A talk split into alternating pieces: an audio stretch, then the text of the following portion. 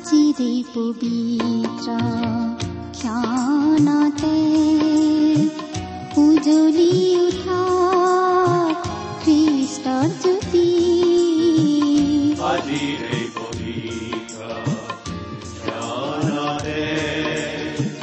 উজলি উঠা খ্ৰীষ্টৰ জ্যোতি আকাশ বতাহ মুখৰিত কৰি গাঁও সবে মিলি প্ৰশংসা গীতি গাঁও সবে মিলি প্ৰশংসা গীতি আজিৰে পবিত্ৰ ক্ষণতে উজলি উঠা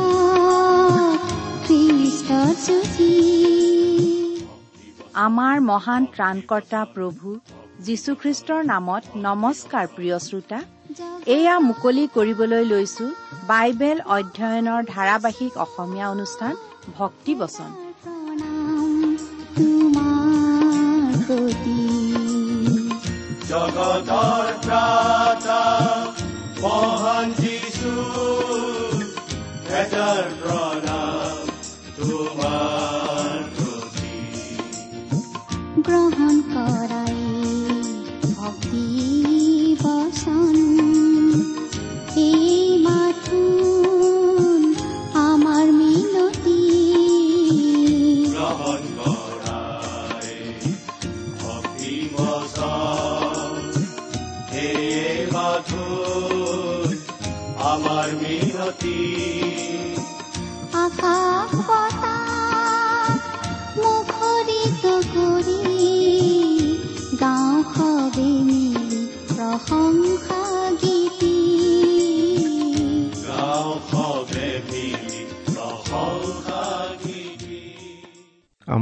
পবিত্ৰ প্ৰভু যীশুখ্ৰীষ্টৰ নামত নমস্কাৰ প্ৰিয় শ্ৰোতা। আপোনাৰ ভালনে? আশা কৰোঁ আমাৰ মহান পিতা পৰমেশ্বৰৰ মহান অনুগ্ৰহত আপুনি ভালে কুশলে আছে। লগতে এই বুলিও আশা কৰোঁ যে আপুনি আমাৰ এই ভক্তিবচন অনুষ্ঠান নিয়মিতভাৱে শুনি আছে। এই বাইবেল অধ্যয়নৰ অসমীয়া অনুষ্ঠান আপোনালোকৰ বাবেই। আপোনালোকৰ মৰম চেনেহ শুভেচ্ছাই আমাৰ সমল। আপোনালোকৰ পৰা পোৱা চিঠি পত্ৰ আমাৰ উৎসাহ উদ্দীপনাৰ উৎস। প্ৰিয় শ্ৰোতা এই অনুষ্ঠান শুনি আপুনি কেনে পাইছে বাৰু? আপুনি আপোনাৰ মতামত জনাই আমালৈ কেতিয়াবা চিঠি লিখিছেনে? আপোনাৰ পৰা মাজে সময়ে চিঠি পত্ৰ পাই থাকিলে আমি নথৈ আনন্দিত হ'ম। আমাৰ ঠিকনাটো আপোনাৰ নিশ্চয় মনত আছে। তথাপি আকৌ এবাৰ কৈ দিছোঁ অনুগ্ৰহ কৰি লিখি লওকচোন। ভক্তিবচন টি ডব্লিউ আৰ ইণ্ডিয়া ডাক বাকচ নম্বৰ সাত শূন্য গুৱাহাটী সাত আঠ এক শূন্য শূন্য এক। ভক্তিবচন T W R India postbox number seventy Guwahati seven eight one zero' zero' one. আমাৰ website W W W dot radio' eight eight two dot com চিঠি পত্ৰ লিখোঁতে নিজৰ সম্পূৰ্ণ নাম আৰু ঠিকনা স্পষ্টকৈ লিখিবলৈ যেন নাপাহৰে। তেতিয়াহে আমি আপোনাৰ চিঠিৰ উত্তৰ দিব পাৰিম নহয় জানো? আহকচোন আজিৰ বাইবেল অধ্যয়ন আৰম্ভ কৰাৰ আগতে আমি আমাৰ পৰম পিতা পৰমেশ্বৰৰ ওচৰত প্ৰাৰ্থনাত মূৰ্ণত কৰোঁ হওক স্বৰ্গত থকা আমাৰ অসীম দয়ালু পিতৃ ঈশ্বৰ তোমাৰ মহান নামৰ ধন্যবাদ কৰোঁ। তুমি সৰ্বজ্ঞানী সৰ্বব্যাপী সৰ্বশক্তিমান ঈশ্বৰ। তুমি আমাক প্ৰেম কৰোতা আমাক উদ্ধাৰ কৰোতা ঈশ্বৰ। গোটেই বিশ্ব ব্ৰহ্মাণ্ডৰ সৃষ্টিকৰ্তা পালনকৰ্তা হৈও যে তুমি আমাক কিয় ইমান প্ৰেম কৰা সেই কথা আমি বুজি নাপাওঁ প্ৰভু। তুমি আমাক ইমানেই প্ৰেম কৰিলা যে আমাক নৰকৰ পথৰ পৰা উদ্ধাৰ কৰিবলৈ তোমাৰ একমাত্ৰ পুত্ৰ যীশুখ্ৰীষ্টকে আমালৈ দান কৰিলা। তেওঁ ক্ৰুচত আমাৰ সকলোৰে পাপৰ ভাৰ গা পাতি লৈ মৃত্যুবৰণ কৰি তেওঁৰ পবিত্ৰ তেজ বোৱাই আমাৰ সকলো পাপৰ প্ৰাচিত্য কৰিলে আৰু তৃতীয় দিনা পুনৰ জি উঠি আমাৰ পৰিত্ৰাণৰ পথ প্ৰস্তুত কৰিলে। আজি আমি তেওঁত বিশ্বাস স্থাপন কৰি সেই পৰিত্ৰাণ লাভ কৰি তোমাৰ সন্তান হ'ব পৰা হৈছোঁ। তাৰ বাবে তোমাক অশেষ ধন্যবাদ পিতা। এতিয়া আমি তোমাৰ বাক্য আলোচনা কৰিবলৈ আগবাঢ়িছোঁ। তুমি আহা আমাক সহায় কৰা তোমাৰ বাক্য বুজিবলৈ।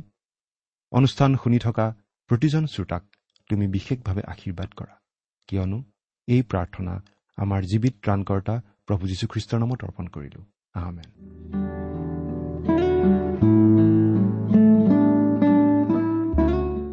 প্ৰিয় শ্ৰোতা আপুনি বাৰু আমাৰ অনুষ্ঠান নিয়মিতভাৱে শুনি আছেনে?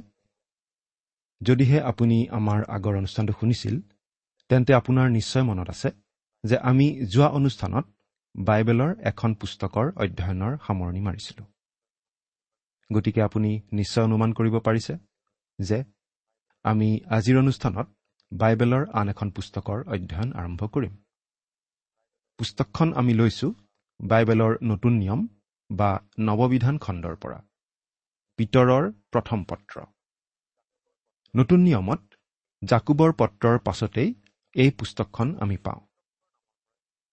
এই পত্ৰখনৰ নামৰ পৰাই আমি বুজি পাওঁ যে পত্ৰখনৰ লিখক আছিল পাচনি পিতৰ। অৱশ্যে আমি এটা কথা সদায় মনত ৰখা উচিত যে বাইবেলৰ গোটেই ছয়ষষ্ঠিখন পুস্তকৰ লিখক পবিত্ৰ আত্মা ঈশ্বৰহে। কিন্তু ঈশ্বৰে বিভিন্ন ব্যক্তিক ব্যৱহাৰ কৰি এই পুস্তকসমূহ লিখাইছিল।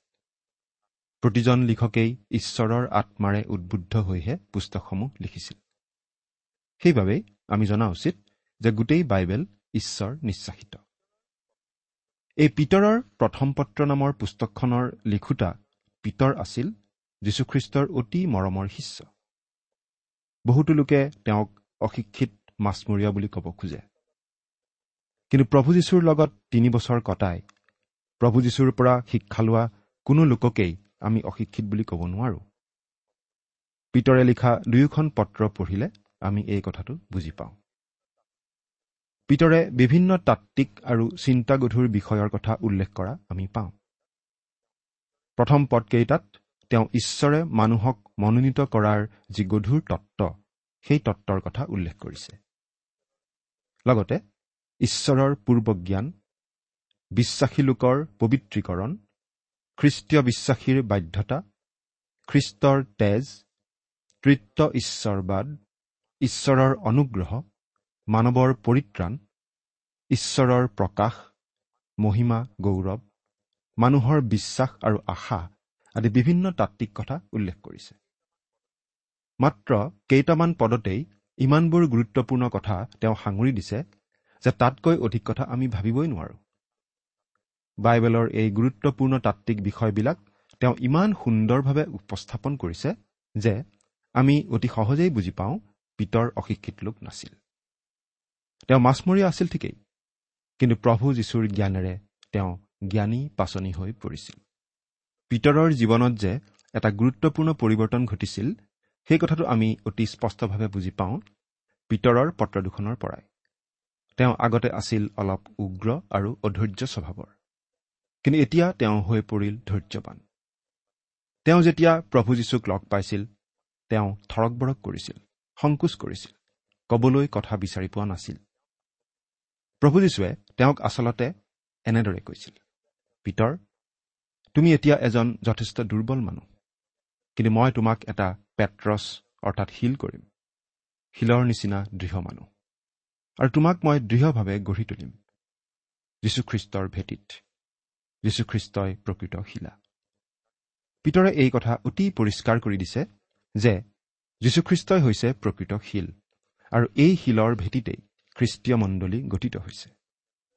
এটা বিশেষভাৱে মন কৰিবলগীয়া কথা এইয়ে যে পিতৰ নামটোৰ অৰ্থ যদিও শিল তেওঁ কিন্তু সকলো খ্ৰীষ্টীয় বিশ্বাসীকেই এটি এটি সৰু শিল বুলি কৈছে। তেওঁ লিখিছে তেওঁলৈ তোমালোকে আহি নিজেও জীয়া শিলৰ দৰে গঠা হৈ হৈ যীশুখ্ৰীষ্টৰ দ্বাৰাই ঈশ্বৰৰ পৰম গ্ৰাহ্য আত্মিক যজ্ঞ উৎসৰ্গ কৰিবলৈ পবিত্ৰ পুৰোহিতসমূহ হ'বৰ অৰ্থে এক আত্মিক ঘৰ হৈ উঠিছা। প্ৰথম পিতৰ দ্বিতীয় অধ্যায় পাঁচ পদ। অৰ্থাৎ আন কথাত ক'বলৈ গ'লে তেওঁ কৈছে যে প্ৰতিজন খ্ৰীষ্টীয় বিশ্বাসীয়েই একো একোজন পিতৰ অৰ্থাৎ শিল। পাচনি পিতৰ বা চিমুন পিতৰে কেতিয়াও আত্মগৌৰৱ কৰা নাই। এই কথাটো আমি তেওঁ লিখা পত্ৰ দুখন পঢ়িলেই বুজি পাওঁ। পত্ৰখনৰ আৰম্ভণিতে তেওঁ নিজক পাচনি বুলি কৈছে। তেওঁ পাচনীসকলৰ মাজৰ এজন। যদিও পাচনীসকলৰ তালিকাত সদায় পিতৰৰ নামটো আগতেই থাকে আৰু পঞ্চাছদিনীয়া পৰ্বৰ দিনাখন প্ৰথম বক্তৃতা দিবলৈ প্ৰভু যীশুৱে তেওঁকেই বাছি লৈছিল তথাপি পিতৰে নিজকে আন আন পাচনীসকলতকৈ ওপৰত বুলি ভবা নাছিল। পিতৰৰ পত্ৰ লিখা হৈছিল পাচনি পৌলে পত্ৰবোৰ লিখাৰ পাছত। খুব সম্ভৱ চৌষষ্ঠিৰ পৰা সাতষষ্ঠিমান চনৰ ভিতৰত। সেয়া আছিল নিৰু নামৰ অত্যাচাৰী সম্ৰাজ্যন ৰোমৰ অধিপতি হৈ খ্ৰীষ্টীয় বিশ্বাসীসকলৰ ওপৰত অত্যাচাৰ আৰম্ভ কৰাৰ সময়। সেই অত্যাচাৰ ইতিমধ্যেই আৰম্ভ হৈ গৈছিল। শুনিবলৈ পোৱা মতে পাচনি পিতৰো শ্বহীদ হ'ব লগা হৈছিল। কোনো কোনো লোকে ক'ব খোজে যে পিতৰে কথাবোৰ লিখোঁতে ঠায়ে ঠায়ে প্ৰতীকধৰ্মী ভাষা ব্যৱহাৰ কৰিছিল। কিন্তু এই কথাত আমি একমত নহয়। পিতৰে আক্ষৰিক অৰ্থতেই কথাবোৰ লিখিছিল আৰু পোনপটীয়াভাৱেই লিখিছিল। কোনো প্ৰতীক বা চিহ্নধৰ্মী ভাষা ব্যৱহাৰ নকৰাকৈ। তেওঁ আমাৰ ব্যৱহাৰিক জীৱনৰ লগত সম্বন্ধ থকা কথা পোনপটীয়াভাৱে প্ৰকাশ কৰিছে। তেওঁ যিখিনি কথা ক'ব লাগে সেইখিনি কথা স্পষ্টভাৱে কৈছে। আমি ভাবোঁ পিতৰ কেতিয়াও ৰোমলৈ যোৱা নাছিল। আমি ভাবোঁ তেওঁ আছিল এছিয়া মাইনৰত। ৰোমান সাম্ৰাজ্যৰ অন্তৰস্বৰূপ আছিল এই এছিয়া মাইনৰ।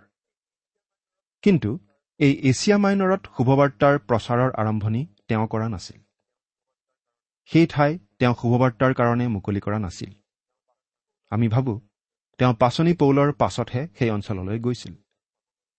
পৌল হয়তো ৰোমলৈ শুভবাৰ্তা ঘোষণা কৰিবলৈ নগ'লহেঁতেন যদিহে পাচনি পিতৰে ইতিমধ্যে সেই ঠাইত শুভবাৰ্তা ঘোষণা কৰি থাকিলেহেঁতেন। কাৰণ পাচনি পৌলে এটা কথা স্পষ্টভাৱে জনাই দিছে যে যি ঠাইত আগতে কেতিয়াও শুভবাৰ্তা ঘোষণা কৰা হোৱা নাই তেনেকুৱা ঠাইতহে তেওঁ শুভবাৰ্তা ঘোষণা কৰে। যিহেতু ৰোম পৌলৰ যাত্ৰাপথত আছিল গতিকে ৰোম মণ্ডলী পিতৰে নহয় পৌলেহে স্থাপন কৰিছিল বুলি আমি বুজি পাওঁ। এই পত্ৰখন পিতৰে বাবিলৰ পৰা লিখিছিল বুলি আমি বুজি পাওঁ পাঁচ অধ্যায় তেৰ নম্বৰ পদৰ পৰা।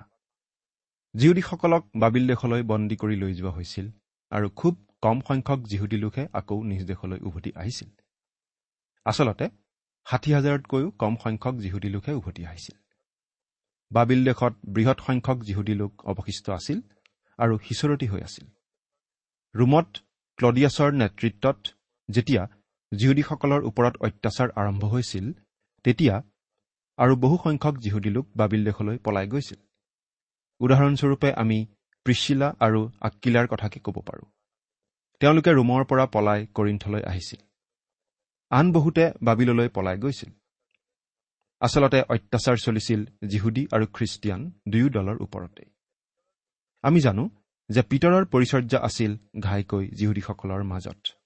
গতিকে তেওঁ এছিয়া মাইনৰ আৰু বিশেষকৈ বাবিলৰ জিহুদী লোকসকলৰ মাজত খ্ৰীষ্টৰ শুভবাৰ্তাৰ পৰিচৰ্যা কৰিছিল বুলি আমি অনুমান কৰি ল'ব পাৰোঁ। বাবিল নগৰ তেতিয়াও ইউফ্ৰেটিছ নদীৰ পাৰৰ এখন ডাঙৰ নগৰ আছিল আৰু বহুতো জিহুদী লোকে তাতেই থাকি যাবলৈ ভাল পাইছিল। পেপিয়াছৰ মতে পিতৰৰ মৃত্যু হৈছিল ৰোমত। কিন্তু এই কথাটো আমি ন দি ক'ব নোৱাৰোঁ কাৰণ তেনেকুৱা বিশেষ প্ৰমাণ নাই। গতিকে আমি এই কথাটো জোৰ দি নকৈ কেৱল এই কথাটোতেই একমত হ'ব পাৰোঁ যে পাচনি পিতৰে পৃথিৱীৰ বিভিন্ন ঠাইত সিঁচৰতি হৈ থকা জিহুদী লোকসকলৰ মাজত খ্ৰীষ্টৰ শুভবাৰ্তাৰ পৰিচৰ্যা কৰা কাৰ্যত আগভাগ লৈছিল আৰু তাতেই ব্যস্ত আছিল। পিতৰৰ এই পত্ৰখনৰ অতি মন কৰিবলগীয়া গুৰুত্বপূৰ্ণ বিষয় হৈছে তাৰণাৰ সময়ত খ্ৰীষ্টীয় আশা। তাৰণাৰ সময়ত খ্ৰীষ্টীয় আশা। যদিও পিতৰে বহুতো তত্বগধুৰ বিষয় উল্লেখ কৰিছে তেওঁ কিন্তু নিৰসভাৱে কথাখিনি লিখা নাই বা নিৰাশাৰ ভাৱেৰেও লিখা নাই। পিতৰক আশাৰ পাচনি বুলি কোৱা হয় আৰু পৌলক কোৱা হয় বিশ্বাসৰ পাচনি। একেদৰে জোহনক কোৱা হয় প্ৰেমৰ পাচনি বুলি। এই পত্ৰখনত আশাৰ ওপৰত যথেষ্ট গুৰুত্ব আৰোপ কৰা হৈছে। যদিও আমি ভাবোঁ আচলতে ক্লেশসহন শব্দটোৱেহে এই পত্ৰখনৰ মূল বিষয়টো দাঙি ধৰে। পিতৰে ঈশ্বৰৰ অনুগ্ৰহৰ কথাটোতো যথেষ্ট জোৰ দিছে। কোনো কোনো বাইবেল ব্যাখ্যাকাৰে ক'ব খোজে যে পত্ৰখনৰ মূল বিষয় আচলতে ঈশ্বৰৰ অনুগ্ৰহ। কিন্তু এই পত্ৰখন ক্লেশ সহনৰ ভাৱ বুজোৱা শব্দ ষোল্লবাৰ উল্লেখ কৰি লিখা হৈছে।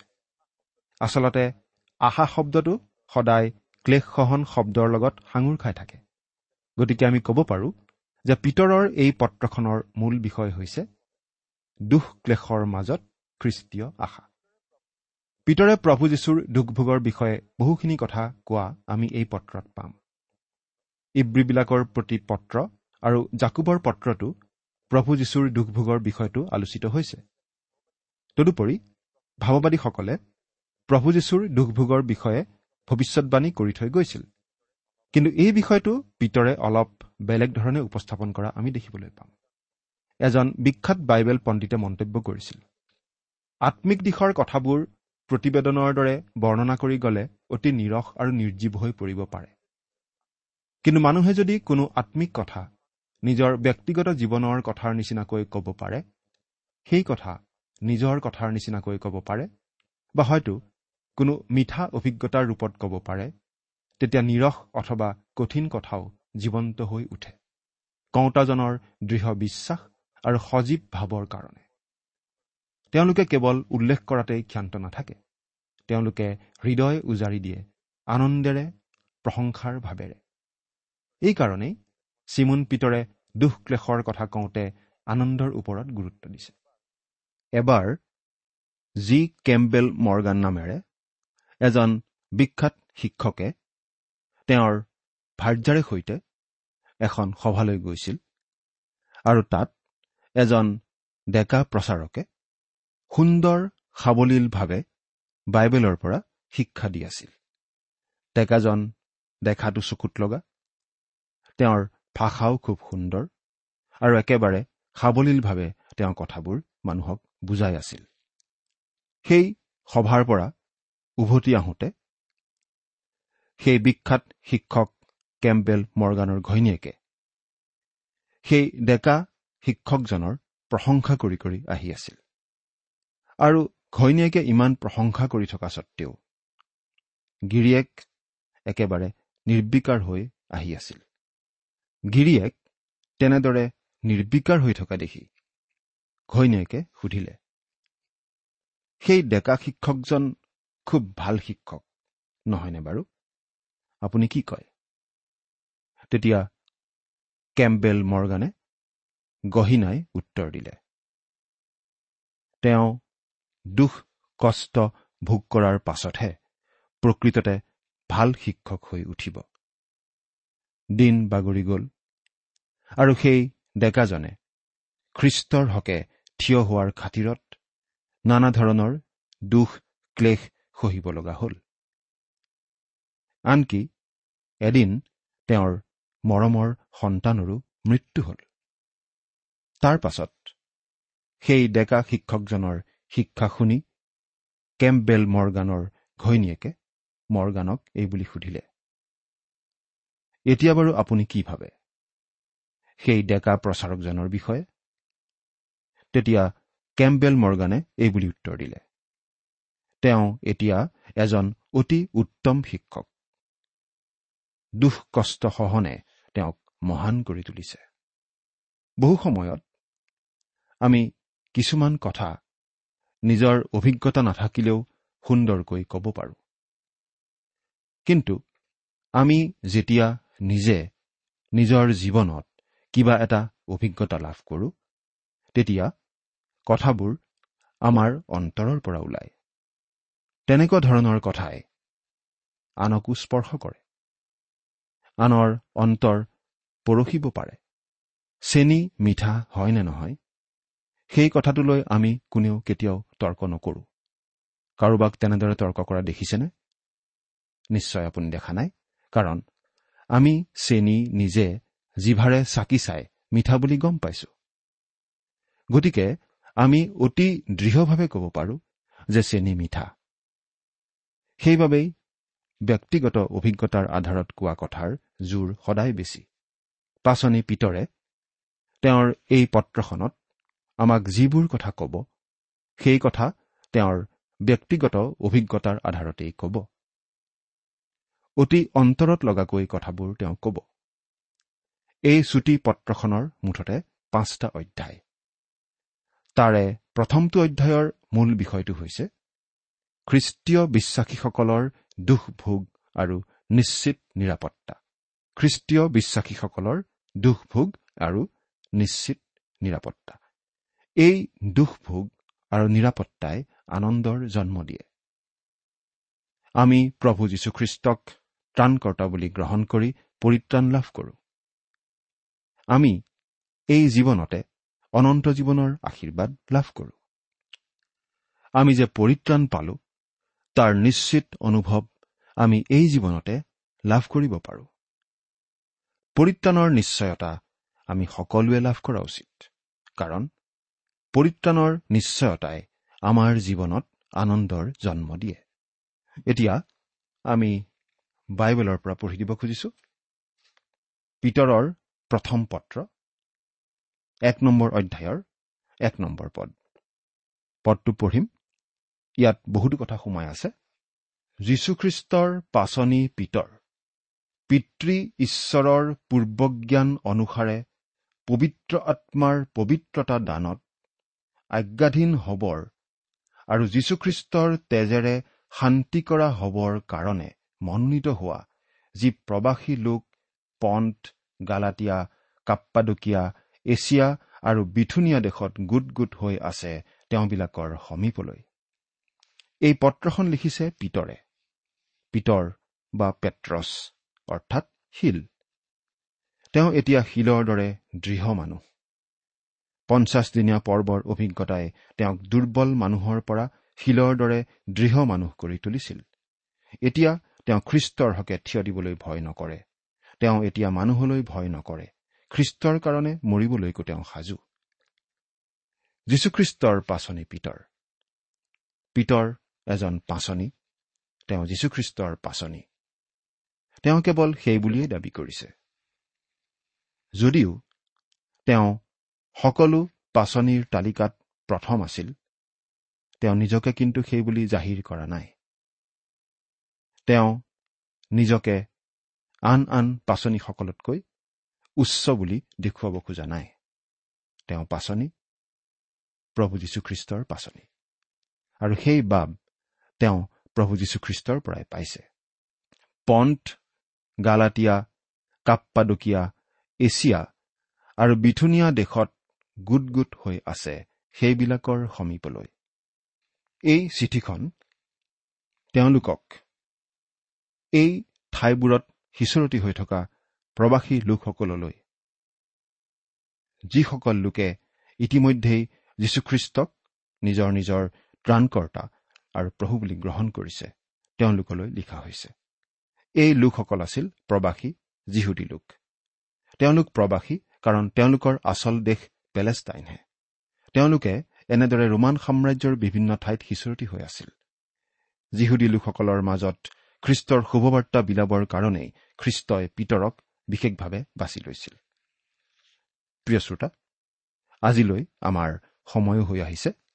আমাৰ আলোচনা আজি আমি ইমানতেই সামৰিব খুজিছো। আজি আমি এই পিতৰৰ প্ৰথম পত্ৰ নামৰ পুস্তকখনৰ আলোচনা আৰম্ভহে কৰিলো। পৰৱৰ্তী অনুষ্ঠানত আমি এই প্ৰথম অধ্যায়ৰ প্ৰথম পদটোৰ পৰাই আৰু অলপ বহলাই আলোচনা কৰিম। শেষ কৰাৰ আগতে এটা কথা কৈ ল'ব খুজিছো। ইয়াত বিভিন্ন দেশত সিঁচৰতি হৈ থকা যিহুদী লোকসকলক প্ৰবাসী বুলি কোৱা হৈছে কাৰণ তেওঁলোকৰ আচল দেশ পেলেষ্টাইনহে। ঠিক একেদৰে খ্ৰীষ্টীয় বিশ্বাসী লোকসকলো এই পৃথিৱীত প্ৰবাসী কাৰণ তেওঁলোক আচলতে স্বৰ্গৰহে নাগৰিক। প্ৰভু যীশুক ত্ৰাণকৰ্তা বুলি গ্ৰহণ কৰি আপুনি বাৰু স্বৰ্গৰ নাগৰিকত্ব গ্ৰহণ কৰিছেনে? চিন্তা কৰি চাওকচোন। ঈশ্বৰে আপোনাক আশীৰ্বাদ কৰক। আমেন।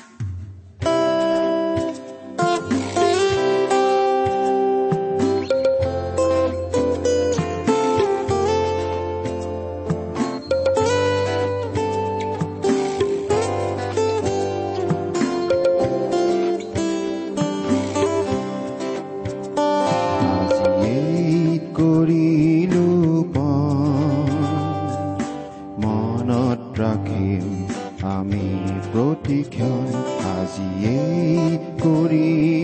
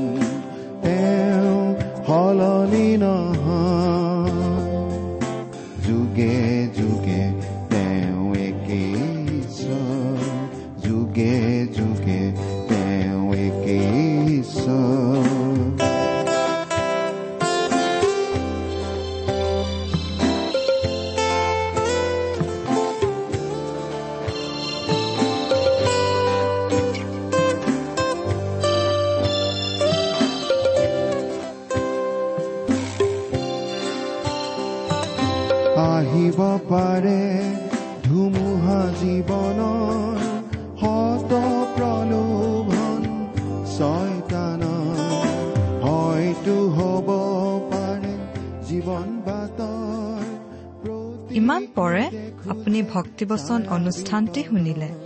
অনুষ্ঠানটি শুনি কেনে পালে? আমালৈ চিঠি লিখি জনাবচোন। অনুষ্ঠানত প্ৰচাৰ কৰা কোনো কথা বুজিব লগা থাকিলেও আমালৈ লিখক।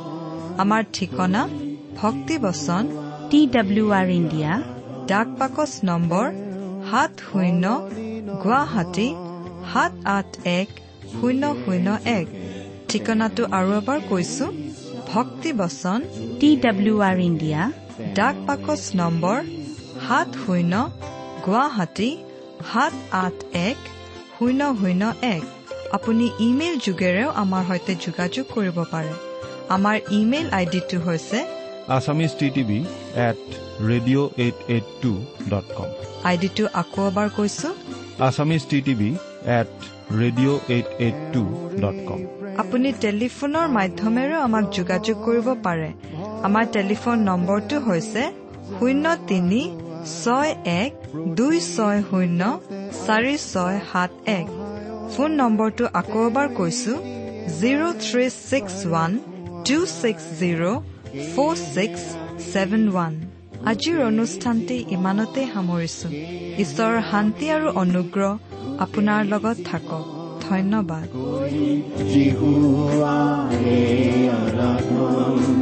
তেওঁ সলনি নহয়।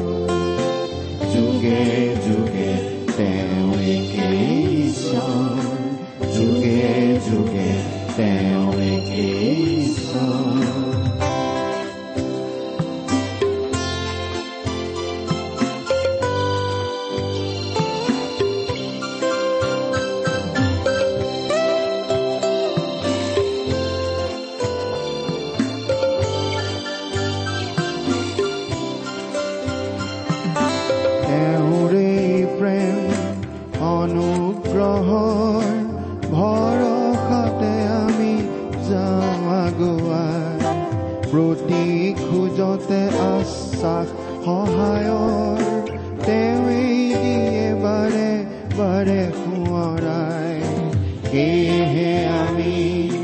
গোটেই জীৱন সেয়েহে আমি?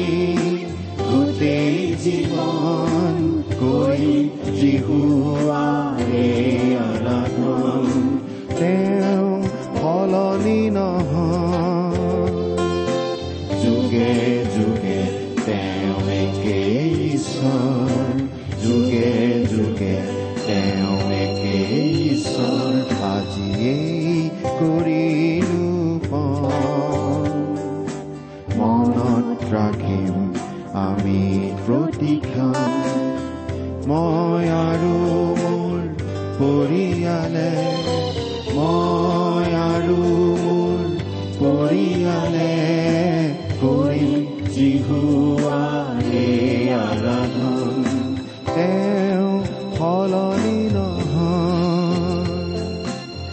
যুগে যুগে তেওঁ ঈশ্বৰ যুগে যুগে তেওঁ ঈশ্বৰ যুগে যুগে তেওঁ একেই